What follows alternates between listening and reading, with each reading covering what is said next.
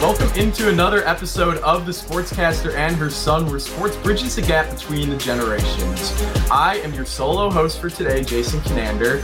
I am a Generation Z teenager. Actually, I'm going to be 21 pretty soon here at the University of Texas at Austin. I'm a junior. I'm involved in Texas Student Television, and uh, happy to be here today while my mom is on vacation. So we're going to reset from the top here and we're going to talk about the Chicago White Sox. They have been a big subject of conversation in Chicago sports, big subject of scrutiny, rightfully so. And we are going to recap their year because, spoiler alert, it did not go well. I'm just going to start off by saying this. This, I have watched the White Sox since 2012. I was in fourth grade. They went 84 and 70, 83 and 79. Missed the playoffs by three games last week of the season, but they were in first place for the majority of the year. I didn't think it could really get any worse than that. I saw a bunch of losing seasons that followed, but then 2020 came, playoffs, 2021 last year was a good year, but it was really unfulfilling because we knew that this team was capable of more. Keyword, we knew. Turns out we didn't know because the 2022 White Sox were an absolute disaster in every which way from the very beginning of the season. This team did not work out.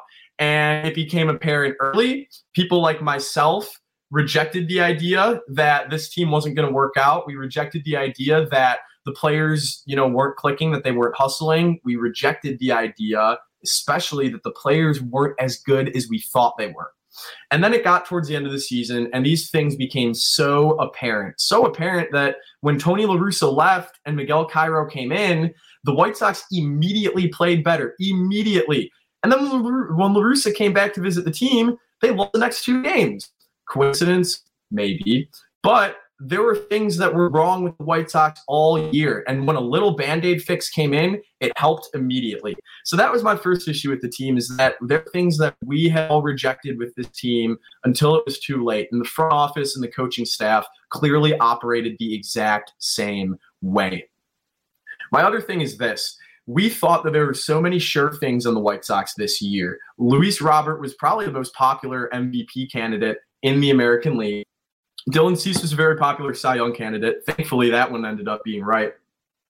But for the most part, nobody lived up to expectation on this White Sox team. Tim Anderson played 79 games. Yoan Moncada had the worst season of his career. Eloy Jimenez was hurt again. AJ Pollock did not work out. Yasmani Grandal had easily the worst season of his career. And every single bullpen investment did not work out. Liam Hendriks was Liam Hendriks, but past that, the bullpen was garbage this season. So the offseason additions clearly did not add up with this team that the White Sox thought was ready to compete, but clearly were not good enough to compete. And on my last point, didn't even look like they wanted to be there most of the time. And that's what I really want to expand on is when you get paid millions of dollars to be a professional athlete, and then there are people like myself who didn't even play high school sports. I look at professional athletes and I say, even though I love my job and I love what I do, I would trade places with that person in an instant and I do it for free. And I know that there are a lot of people at home that think the exact same way. So throughout the season, when I would see Luis Robert not even half running out a ground ball, like a fourth of the way running out a ground ball, or Yoan Moncada going right back to the dugout after hitting a fly ball, some of these effort things, the little things were not there. This team clearly did not care. And it matters more to us, the analysts, and the fans as well, that the White Sox didn't make the playoffs, then it matters to the actual players. It clearly it, lo- it looked like it mattered the most to Elvis Andrus, who ironically enough w- was there the shortest out of anyone. So from top to bottom, the season was a mess. Tony La Russa, in hindsight, should have never been in charge. There were offseason additions that should have been made. Josh Harrison was fine at second base, but they needed an impact power hitting bat, never added it, and never hit for power. They needed another piece of the rotation, never added it, and had Vince Velazquez and Davis Martin operating out of the five for most of the year. And they invested too much into the bullpen. So everything went wrong with this team. Now you have a full rebuild that looks like it could have to be completely started over with very little benefit reaped. One home playoff win, no playoff series wins two playoff appearances, and now a whole lot of question marks. So there is, in my opinion, there is no better person to talk to about this White Sox season than one of the people that has been there every step of the way. Chuck Garfien from NBC Sports Chicago. Chuck, thank you so much for joining us today. Ah, great to be on with you. Uh, I know Peggy's not here, your mom, but uh, great to be with her son, Jason. Uh, big fan of both of you. Thank you. You know, even though my mom's not here, we'll still have a little fun, talk some White Sox. as fun as it can be to talk the White Sox at this yes. time of the year. Um, I just want to start off. So, you have covered the team since 2004. My mom would always tell me growing up, there's nothing worse than covering a bad team. Where does this year's team rank in terms of most difficult seasons to cover? Well, technically, uh, my first season covering the team was 05. I started working for what we were known as at the time Comcast Sportsnet in 2004. Just okay. semantics there. Uh, but yeah, 05. That was a magical first year for me to cover the White Sox. I'll just go ahead and win the World Series. It's going to be uh, like this every year, isn't it? Um, what's it like covering a team like this? Is that what you uh, asked, or what, what, was the question? It's almost like a two-parter. So, what is it like covering a team like this? Is is just as good of a question. But of all the years you've covered, you've covered a World Series, you've covered playoff teams, you've covered close to 100 lost teams, and now you've covered this team. Where does this team rank in terms of most difficult teams to cover?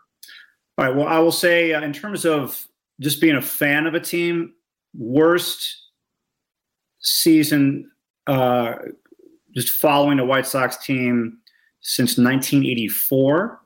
Because in 1983, the White Sox won 99 games. They went to the ALCS. They had the uh, Cy Young Award winner in LaMarr Hoyt. They had they were just loaded. Tony La Russa was the manager, ironically. And then the next year in 1984, they won 74 games. They won 74 and 88. Everyone who had a great season in 83 uh, were they were just flopped in 84. In terms of covering the White Sox. Uh, this is the worst season since 2007. Uh, 05, they won the World Series. 06, they had a great first half. They ended up winning 90 games. If they had the current wild card system in place, I'm pretty sure they would have made the wild card, um, but they didn't. So they missed the playoffs. And then in 07, with essentially the same team, uh, they won 72 games. They won 72 and 90. So the highs of 05 and even 06, they just fell flat on their faces in 07. Uh, so I would say that's probably the comparison. Uh, not everyone was picking the White Sox to win the division in 07 because there was a lot of competition from the uh, then the Indians and the Twins. Uh, but this year it was just they were the runaway favorites. No team was going to touch them, and this has been uh, a disaster really a disaster for, for, when you look at the expectations and where things have lined up. Yeah, and the expectations and where things have lined up is the biggest thing, I think, for everyone, because when you look at the team, they're going to finish right around 500. For most teams, it's not that bad of a year. But when you look at the division, you look at the roster coming in, what they had done the past two years, it's completely unacceptable. So we, there's so much to unpack from this season. So many different storylines, La Russa and then Miguel Cairo, and then the players being hurt and and what have you. But if you were to summarize sort of briefly, what what is the main reason why the 2020 White Sox didn't work? Main reason. I mean, we we've been just talking this uh, talking this over constantly for the last several months now. What's going on with this team? What is wrong with it? Um, and eh, to choose one thing would be wrong because it doesn't tell the whole story. It's managing, it's coaching, it's the players, it's the offense, it's leadership. It's it's I mean really from A to Z. It really is. But if I was to say, you know, the biggest thing just from a statistic from a statistical standpoint, the biggest things have been this. So many hitters, so many key members of this uh, team uh, failed to meet expectations and had such awful years offensively. Yoan Moncada and Yasmani Grandal, the two biggest. Luis Robert, two RBIs in the second half. This is a guy who should be contending for an MVP. He was hurt a lot. He's going to play less than 100 games. Tim Anderson, less than 100 games. He's going to play less than half the season. Okay. And even when he was in, he had a good batting average, but he wasn't the Tim Anderson that we've seen in the past. He only had 25 RBIs. Uh, not you don't expect a lot of RBIs from leadoff position, but he just wasn't. He wasn't like taking over games too much. He had a big home run in New York against the Yankees, but he wasn't really having those Tim Anderson seasons we've seen in the past. Um, Jose Abreu has half the amount of home runs that he had last year. So it's really everything. Everything went to shit. I mean, I'm just Yeah. being honest. That's that's Yeah. And and before we get more into the coaching and the the manager spot, because that's that's really the hottest news ever since they have been eliminated from the playoffs. I want to elaborate more on the players because going into this year, the biggest thing that this White Sox team had was a great core. And there were a lot of guys that I think the fans and the analysts thought were sure things. Luis Robert, Yasmani Grandal was off a strong season. Jose Abreu didn't necessarily have a bad season, but like you said, the guys didn't live up to expectations. So when you look at the way the roster will be constructed for next season, some of the guys that didn't live up to expectations, Yoan Moncada, Yasmani Grandal, which of those guys do you think are in jeopardy of not being on the team next year? Could be traded, could be non-tendered. What what do you think the lack of performance from some of these guys, what do you think that impact is going to have on their status in the roster? That is a great question. That is a question that will be answered at some point. It really is going to depend on how much they're willing to blow it up. What would I do? I'd blow it up. And when I say blow it up, I'm not saying like trade everybody. They need to make some changes.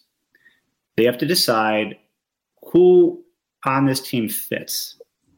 And not just on the field, off the field, in the clubhouse. Who is a fit, who's not a fit.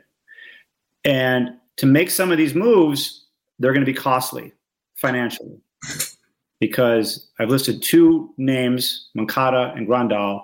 Uh, those are not easily movable parts.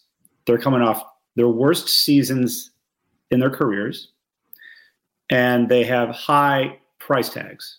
So the White Sox have to make a decision. Are they willing, if they decide to cut loose with either of these guys or both of them, how much are they willing to do that? Or do they believe in those two guys having rebound seasons? So it's uh, it's going to be a very interesting offseason. Clearly, this didn't work. Uh, they won 93 games last year with roughly the same roster. Um, do you believe in everyone in that room to turn it around?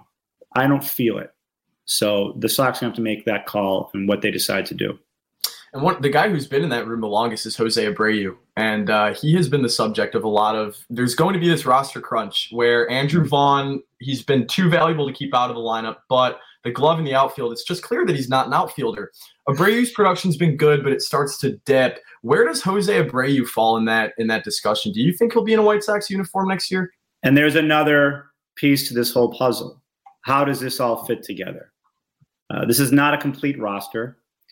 And I think the feeling going in was, well, yeah, we have some guys playing out of position, like Sheets, like Vaughn.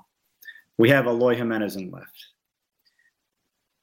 I think the feeling was we're going to score enough runs to make up for our defensive efficiencies. We're going to hit enough home runs to make up for where we're lacking in other places. But when that didn't happen, they didn't score enough runs, they didn't hit enough home runs.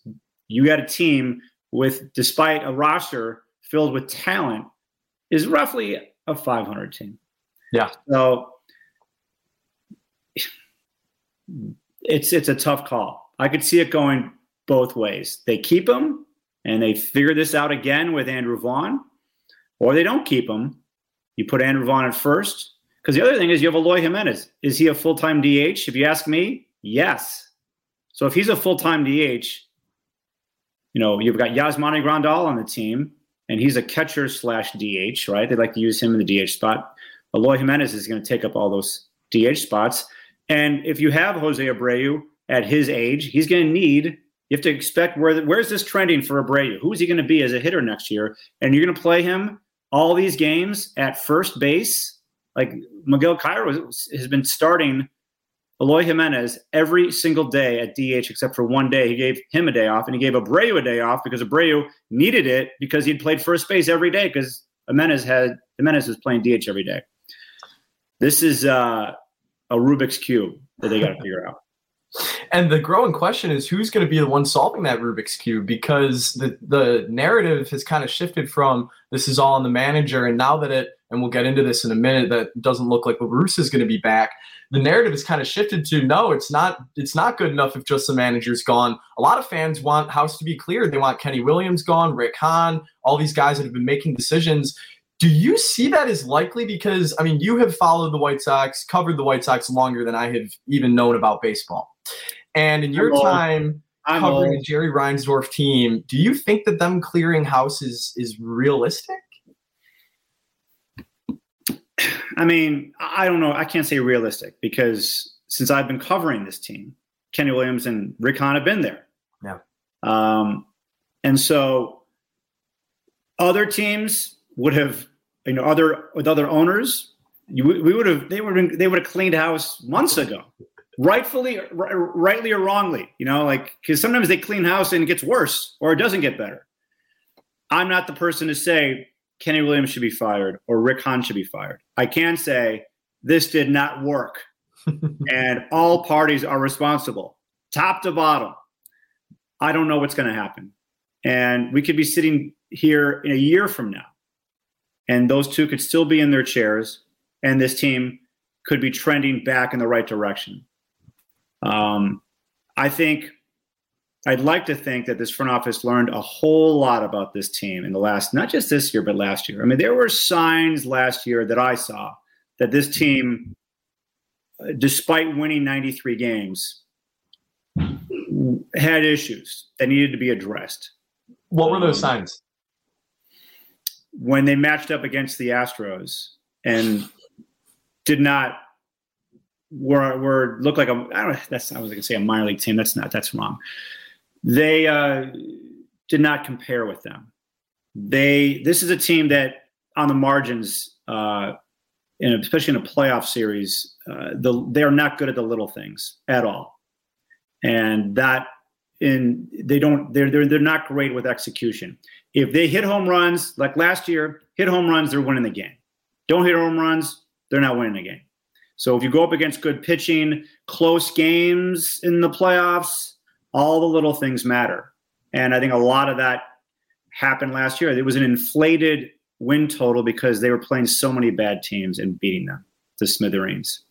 Uh, they did have some good games against good teams, but for the most part, uh, they were an inflated 93 win team. And I and things did not get better in 2022. It only got worse. And I'd say on top of that, the last two Septembers had been like they had really limped to the postseason and just really didn't show any life to the point of where like they had a great roster and had a great season and there's no momentum going into the playoffs and now they won't even have to worry about that this year because they are not in the playoffs. And it, uh, if it's going to be Hahn and it's going to be Williams still making the decisions, Miguel Cairo is going to be at the top of the list Nah, I wouldn't put him at the top of the list. Why would, think so? why would you put him at the top of the list?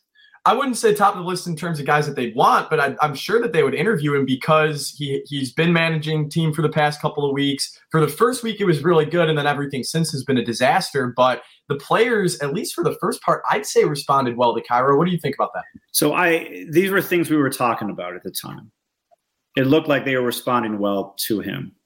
Um, I think he played a part in it, but what seems to kind of get thrown under the rug a little bit or forgotten was the day after Cairo aired things out to the team, the players had a players only meeting. And they mm-hmm. themselves, it comes down to them. They decided as a team, let's go. We can do this. So I, I wasn't in the meeting. I don't know what was said, but that you needed Cairo to say that you needed the players to believe it. Cairo did put Elvis Andrus in the leadoff spot, and that timed out perfectly because Andrus was playing like an all star for a couple of weeks. He's not an all star. He's been struggling for the last few uh, games, but he played over his skis when they really needed him to. And I, I loved it. And, I, and he is a leader that this team is lacking. And I, I would consider bringing him back next year uh, in some capacity. But um, you know, I, there's only so much that a, a manager can do. I mean, it, it, it does. How do I say this? Um, managers do have an effect on a team. I'm one of those people that believe that they need this team is lacking leadership and better in-game decisions. Cairo, I don't have a good read on him whether he can really do that. Um, if this team wants to contend next year, in my opinion, they need to get someone uh, who's a better fit for where this team needs to go. And I'm not sure Cairo, with no managing experience other than right now, is the answer if they want to contend next year. I, I assume they do. I really hope they do. I mean, I think that we all hope that, I, and and blowing it up probably is the right call, but it just. Well, when I say and when I say blowing it up, I'm not saying like um, rebuild. rebuild. Yeah, I'm not saying that. I'm saying uh, blow some stuff up, like make some difficult decisions. You know, like anything's on the table. That's what I mean. So one one of a, a former guy with manager experience in in game decisions leader is one of your colleagues, Ozzie Guillen, and Ozzie has been very outspoken about wanting to return to the White Sox. Do you, and obviously you can't speak for Ozzie, but I want to ask more so about this aspect. You're with Ozzie a lot, you're with Scott Podsednik a lot. Those are former players, one former manager, both former World Series champions when you are with those guys and you hear those guys, you know, point out these things that are just just wrong about fundamentally wrong about the way the team is being coached and the way the team is being ran, like what does that really show you? Um, because I think it's kind of it's not very conventional in baseball where you have these players, former players on a team, be so outspoken about the way the current team is ran. You see it more in football and in the NBA, but definitely not in Major League Baseball. You know, we, have become, I mean, they have, and my, me and myself have become more outspoken this year, mainly because the expectations and not meeting the expectations. And, you know, I give teams, White Sox teams, White Sox players a whole lot of rope um, every year. Uh, especially April, May, even into June, because just it's there's a lot of stuff that happens and things get magnified early in seasons, and then things turn around, and you know, I don't want to jump to any kind of conclusions because it's a long season. Um, and they when they went when they went through a rebuild, like, what are you supposed to do? You've got these guys who aren't going to be here next year or, in the future. You're just going to like lay into them. I'm not going to do that because it's you know I don't I, and I don't take it. I don't want to. And I'm speaking for Ozzie and Pods. We don't like to make things personal with any specific players. Um, but the expectations. I mean, White Sox players were talking about World Series contention um, you know, I had Liam Hendriks on the on my podcast uh, in spring training. He said we're going to be the most hated team in baseball, or one of the most hated teams in baseball this year, because people are going to want to want to play us. And so all these things were happening. April happened, May, June, and then we, as you know, we come on right after the game, and we know what the fans' expectations are. And if we were to come out in July and August and September and say everything's fine, everything's great. You know, we'll win the division anyway.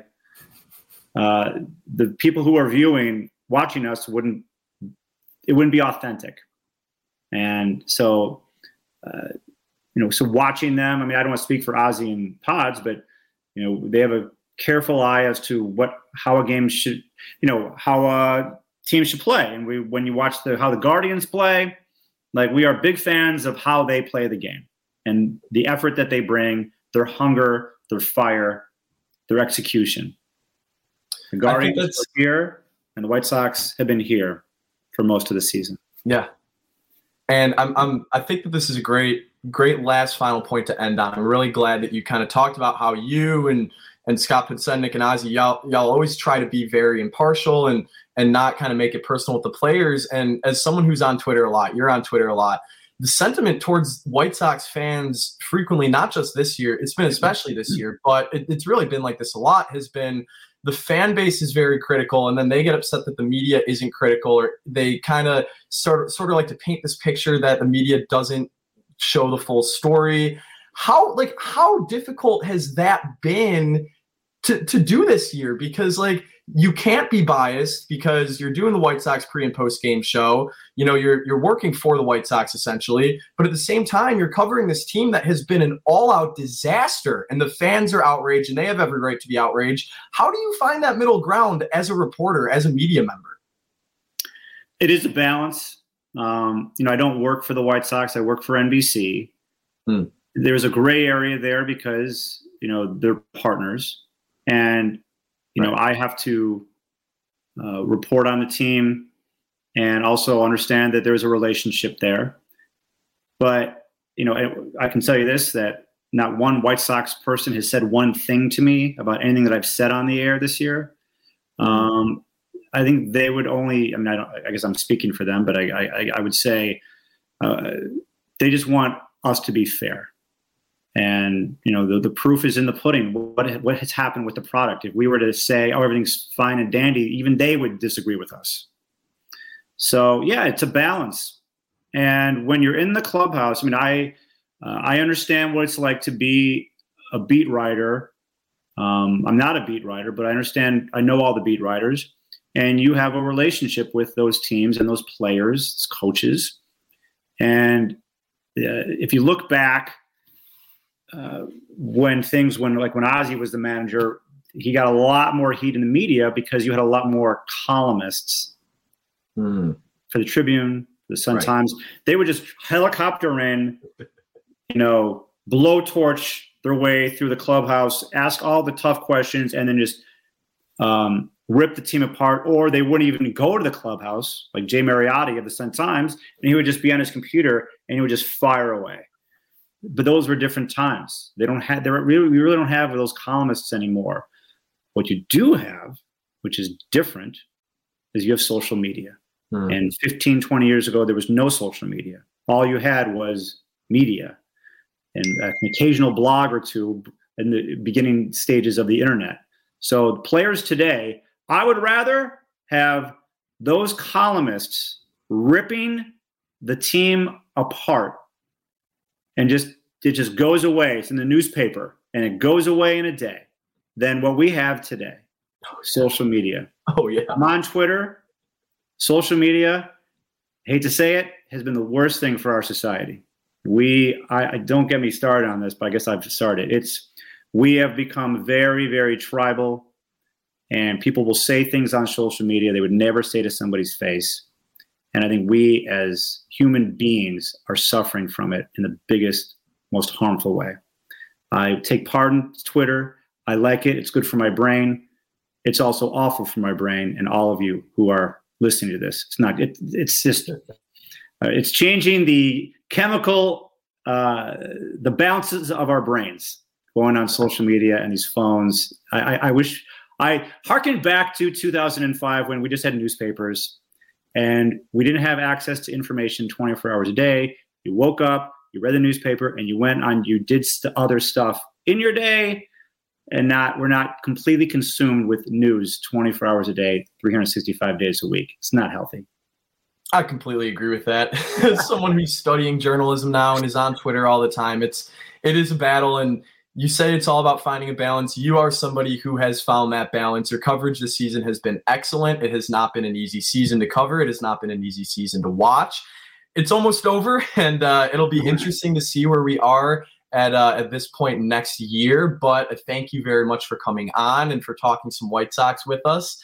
Um, it's been a, it's been a long season. it's what everyone says with baseball, and uh, glad that you could kind of tie the tie the bow on it for us. Yeah, and I'll say this: like, I'll take an interesting season over a bad season any day. Give me, I mean, this was uh, in terms of stories and things to talk about. We had a lot to talk about. Uh, I I'm always hoping they win. I always uh, would prefer to do a winning post game show. Uh, unfortunately, we had too many losing post game shows, and I, I'm hopeful that they will uh, be better next year, and uh, it'll be more fun to cover this team. And thanks for having me on. I appreciate it, Jason. Of course, Chuck. Thank you very much for joining us. His stuff can be found over on his Twitter at Chuck Garfien, Obviously, NBC Sports Chicago White Sox pre and post game show, and he is the host of the White Sox Talk podcast. Thank you again for joining us, Chuck. All right, Jason. Appreciate it. Well, it was awesome as always to hear from Chuck Garfien. Very interesting insight, especially on his relationship with Ozzie Guillen and Scott Podsednik. And from a media standpoint, the way that they have went about covering this team, especially as the season has went on, super interesting. And I think that every White Sox fan needs to hear Chuck's quote about how the White Sox never once approached him saying that they had a problem with anything that he had said or tweeted. I think that those guys catch a lot of heat unnecessary heat on Twitter about carrying water, what have you. It's a tough, it's a tough job and it's a tough team to cover. And somebody like Chuck does an amazing job with it. And we're very lucky to have him on um, to bring in some insight on what went wrong this season. And so we don't have my mom here to kind of introduce the predictions, but a big part of our show is my three predictions, and I have three red hot predictions prepared for us today. My first one is going to be baseball related. Actually, all of these are going to be baseball related. Staying on topic, only one is White Sox related, and we'll get to that at the end. My first prediction is going to be my World Series prediction. At first, it was White Sox Mets. White Sox won't make the playoffs, so I won't have to worry about that part. But the New York Mets are going to be in the playoffs and they have been very fun to follow this season. Max Scherzer, Jacob DeGrom. No team has had more players on the injured list. No team has been more fun to watch. Edwin Diaz has been absolutely electric in the ninth inning. I love the Mets from top to bottom. They have a competitive lineup. Buck Showalter playoff experience, great rotation, and a great bullpen built for postseason success. New York Mets are my World Series champions. Number two prediction, and this is going to be Cubs related. A lot of talk on the Cubs spending going into this offseason. They they will have money to spend between Marquee and just because they have very few future commitments after the season with Jason Heyward gone. I'm going to say that the Cubs are going to make a big splash, but it won't be the big splash that they had been rumored to make for a while, and that is Carlos Correa. Instead, I'm going to predict that the starting shortstop for the Chicago Cubs next season is going to be Xander Bogaerts from the Boston Red Sox. Bogaerts is a perennial MVP candidate at shortstop. He's a great hitter. He's an amazing fielder. He's a perennial all star as well. Made his major league debut in the 2013 postseason and ended that postseason World Series champion. So this guy has produced ever since he's been in the league. For those of us who follow baseball, he is a household name, would be a great investment for the Cubs. And I think that he fits what they're trying to do with this balanced approach, not going too power heavy, not going too defense heavy. They're getting guys that are good at multiple things, five tool players. Bogaerts is like that. My third and final prediction, and we touched upon this with Chuck. I'm going to predict that Jose Abreu will be elsewhere at the start of next season. And the reason why I'm predicting this is because the White Sox have an obvious roster crunch. That roster crunch is they have about four to five guys who can play DH, who should play DH, and really only one or two guys in Eloy Jimenez slash Jose Abreu or Andrew Vaughn that should be playing DH. So with Andrew Vaughn, whose bat is too good to keep him out of the lineup, but the glove is really too bad to keep him in the outfield for too long, a decision needs to be made. And it's a difficult decision. As Chuck pointed out, the White Sox front office will need to make difficult decisions this winter. This will be the most difficult decision what to do with Jose Abreu. And I think that the White Sox are going to need to rip off the band aid and tell Jose, thanks for everything since 2014, but Andrew Vaughn's our first baseman from now on. And uh, given that Abreu is going to be a free agent this offseason, White Sox won't have to trade him, they won't have to non tender him. So uh, that's going to be, yeah, I'm going to have to say that Andrew Vaughn is going to be the starting first baseman. Jose Abreu will be elsewhere. One thing that my mom loves to do on these shows is give her final thoughts at the end of the episode. So, since my mom is not here with us today, I figured that I would give my final thoughts, and some of you are going to want to listen to this. A big part of being very involved in sports and in sports media is knowing when you're wrong. And I am overdue admitting that I was wrong about this year's White Sox team. I predicted that this year's White Sox team would go 162. Predicted that they would be World Series champions. I predicted that Luis Robert would win the MVP. All of those were so far off the mark. I apologize for being wrong. I apologize that I did not see earlier that this White Sox team was not going to work out. But what I will not apologize for is having hope going into the season because that's the fun of sports. And what I hope for this White Sox team is that amidst all the chaos of this year, amidst everything going on in the front office and with the coaching staff. I hope that next year, come March, there's a clear vision for this team and that there's still excitement for this team. And more importantly, I hope that next year, come September, our White Sox season recap isn't a season recap, it's a White Sox season postseason preview. So that's what I hope for next season. And baseball is an amazing sport. I don't think that a full rebuild is a great idea. Neither does Chuck. So we'll see what ends up happening with these White Sox. But I really wanted to get that out there. I was wrong. I'm sorry. I apologize. I hope for better next year. couple thank yous to run through before y'all leave us for this episode. First and foremost, I would like to thank ESPN Chicago for having our show on their app. It's awesome getting to be affiliated with them, have our show on the app. It's such a cool place to listen. The primary place to find the sportscaster and her son. Big thank you to them. In that, I would also like to thank our producer, Jake Cantu, does an awesome job of editing the shows, works with my mom every single week. So we really appreciate the work that he does for us. And lastly, I would like to thank you. I'd like to thank our followers and subscribers for giving me this platform, for letting me do solo shows, and letting me talk about my passion, which is White Sox baseball. As always, you know where to check out our shows, videos posted on YouTube, the Sportscaster and Her Son podcast, audio on the ESPN 1000 app, Spotify, SoundCloud, Apple Music, wherever you find your audio, you will find our podcast. Lastly, we have a Twitter at TSAHS Pod on Twitter at T H A S H Pod. I promise I'll get that locked out eventually. That is where we post clips up to the shows, latest news about the podcast, and we have merch coming out pretty soon. So we will be dropping the link to merch live on that Twitter. Do not miss it. Thank you for joining us. It's been a pleasure being able to do this one by myself. You can follow me on Twitter at Jason Fernandez. I tweet about the White Sox. I tweet about the Texas Longhorns. I tweet about being a college student. So you can check out more of my stuff there. You know where you can check out our show. Have a great day.